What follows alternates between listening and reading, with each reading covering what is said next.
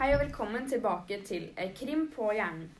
Du hører nå på Sanne Olsen, og i studio i dag har vi med oss politiinspektør og også leder for etterforskningen, Tuva Elise Kjærstad Iversen, og kriminalekspert Maria Bergesten. Vi skal ta for oss i dag saken om Birgitte Tengs, rettssystemet i Norge og kriminalitet. Hvem drepte egentlig Birgitte?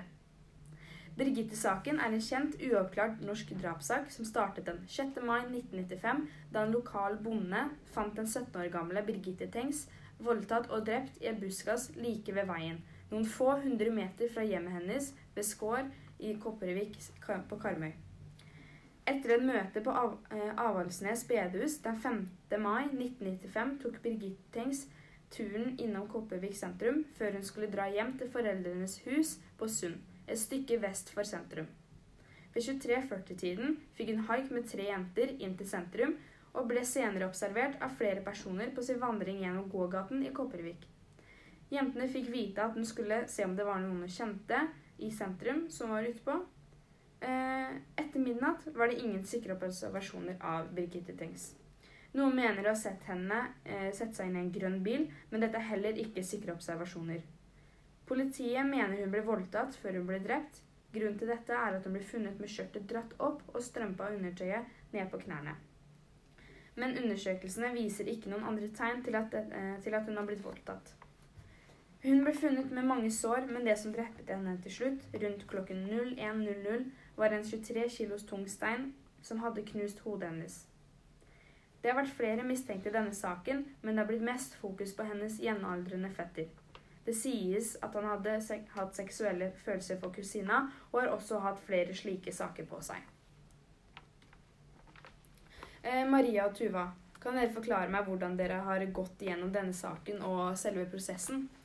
Jo, det var sånn at en stund etter at drapet skjedde, så ble fetteren siktet for drapet. Og under avhør med politiet så kom fetteren ut med en tilståelse. Men måten han kom ut med en tilståelse på, har fått veldig mye kritikk. Og dette er fordi at eh, man mener at denne tilståelsen ble tvunget fram av politiet. Så etter en stund trekker fetteren tilbake tilståelsen, men politiet tar allikevel saken opp til retten fordi de mener at det er nok og gode beviser. Og denne avhørsmetoden som politiet brukte, bruker Norge i dag som et eksempel på hvordan man ikke skal avholde et avhør. Ja, eh, Saken gikk da først til tingretten på Karmøy herredsrett. En tingrett er den første domstolen, og her behandles både straffesaker, som er saker hvor de offentlige oppretter sak. Eksempel på dette er Birgitte Tengs-saken. I tillegg tas sivilsaker opp, og disse foregår mellom to enkeltpersoner som snakker sammen og kan få en rett til å dømme. Karmøy herredsrett dømte fetteren til 14 års fengsel. Og dette var da av typen ubetinget fengsel, som vil si at fetteren måtte sone tiden sin, men kan etter at han har fullført to tredjedeler av straffen, bli løslatt på prøvetid. Eh, men hvilke andre straffer kan man få sånn generelt? Eh, vi har da ungdomsstraff, og da må man være mellom 15 og 18 år. Og her må ungdommen selv være motivert til å forberede seg og ville følge oppfølgingsplanen som de får. Vi har også betinget fengsel, og det er når man soner tiden sin utenfor fengsel. Eh, vi har bot. Eh, da må man betale en viss sum som straff. Eh, benyttes ofte i trafikkriminaliteten. Vi har samfunnsstraff. Eh, her må den skyldige delta i samfunnsrelatert arbeid. Dette er ofte arbeid som del av en frivillig organisasjon eller dugnad. Forvaring det er den strengeste straffen man kan få, og dette er på livstid.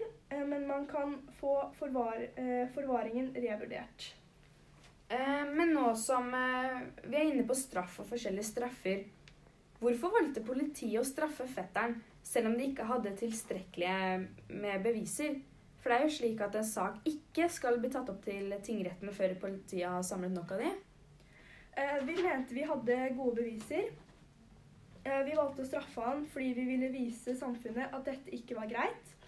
Men vi ser nå at dette var en feil av oss. Men generelt straffer vi for å minske antall kriminelle handlinger som blir begått, og for at den som har begått kriminelle handlinger, skal få konsekvenser for det den har gjort, ikke bare slippe unna. Vi har også allmennpreventiv og individualpreventiv. Allmennpreventiv er en straff som brukes for at allmennheten ikke skal begå kriminelle handlinger. eh, mens individualpreventiv brukes for å hindre at enkeltindivider begår nye kriminelle handlinger. Ja, og I tillegg så har man jo også to teorier eller forklaringer da, på hvorfor folk utfører kriminelle handlinger. Og Dette er samfunnsforklaring og individforklaring.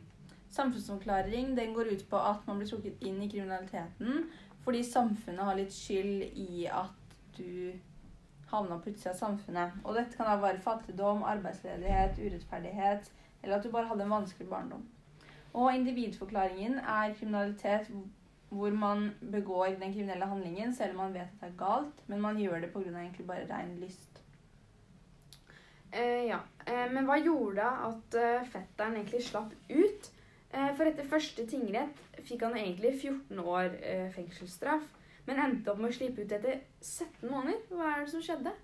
Jo, Det neste som skjedde i denne saken, var at fetteren valgte å anke opp saken til Gulating lagmannsrett. Og det at han anka opp saken dit, vil si at han sendte en klage på dommen som tingretten ga han. Og saken blir da som sagt sendt opp til lagmannsretten, som er over tingretten. Og lagmannsretten de tar også opp både straffesaker og sivilsaker. Dommen som lagmannsretten kom med, var at de valgte å frikjenne fetteren fordi de mente at det ikke var nok beviser for at han kan ha gjort det. Men han måtte allikevel betale 100 000 kroner i erstatning til Birgits foreldre. Og denne boten valgte fetteren å anke opp til Høyesteretten. Og Høyesteretten er den øverste domstolen i Norge, og de kontrollerer bl.a. at Stortinget og regjeringen følger grunnlovene og gjør sånn som de skal. Og siden Høyesteretten bare slipper igjen de viktigste, sakene, så ble denne ankingen til fetteren avslått. Saken ble lagt på is i noen år. Eh, altså Etter fire år så kom Menneskerettighetsdomstolen i Strasbourg med dommen at denne saken var brudd på menneskerettigheter, og staten måtte betale 250 000 kroner i erstatning til fetteren. Like etterpå bestemte Høyesteretten at Fertan skulle få erstatning på 613 000 kroner og oppreising på 600 000 kroner pga. 17 måneders opphold i fengsel. 8.11.2004 blir saken henlagt. Men tolv år etter, altså i 2016, så velger Cold Case-gruppen å undersøke den. Mye av bakgrunnen er at etterforskningsmetodene har kommet langt på 21 år. Ja, og Mot slutten så skal vi fortelle om kriminalitet og noen typer for kriminalitet. Om man ser på noen av de andre begreper som er nyttig å kunne, så har man ordet kriminalitet. Kriminalitet er når en handling bryter med den norske loven. Under her igjen så finnes det en rekke ulike former for kriminalitet. Vi har skadeverk, narkotikakriminalitet, vinningskriminalitet, seksualkriminalitet og trafikkriminalitet. Kan dere fortelle liksom om de ulike her? Ja, Først nevnte du jo skadeverk. Og Skadeverk det er kriminalitet hvor det blir utført skade. Og Et eksempel her er hærverk. Ja, og så nevnte du narkotikakriminalitet. Det er kriminelle handlinger hvor illegale stoffer har vært eh, innblandet som en viktig faktor. I tillegg skjer det mye kriminalitet som er knyttet til leg legale stoffer, som alkohol. Deretter har du vinningskriminalitet. Og det er kriminalitet hvor penger er involvert. F.eks. tyveri, utpressing og ran. Eh, og så sa du seksualkriminalitet. Eksempel på dette er voldtekt og uønsket seksuell oppmerksomhet uten samtykke. Og til slutt så har du trafikkriminalitet. Og det er kriminalitet som skjer i trafikken. Og den trafikkriminaliteten som det skjer mest av, er at man kjører for fort. Når det kommer til disse ulike typene, så har vi også noe som heter mørketall. Mørketall er alle de kriminelle handlingene som blir begått, men som ikke blir anmeldt. Altså uregistrerte tall. Stedet som vi tror at det er det største mørketallet, er på seksualkriminalitet. Men dette var det vi rakk for i dag. Dere kan skru på radioen på Krim på hjernen klokken 13.00 i morgen for fortsettelse. Tusen takk for at dere ble med i studio i dag, eh, politiinspektør Tuva Elise Kjærstad Iversen og kriminalekspert Maria Bergesten. Det var en glede. Ja, Tusen takk for at du kunne komme. Har du noen tips til denne saken, ring 22 38 98 98. Alex.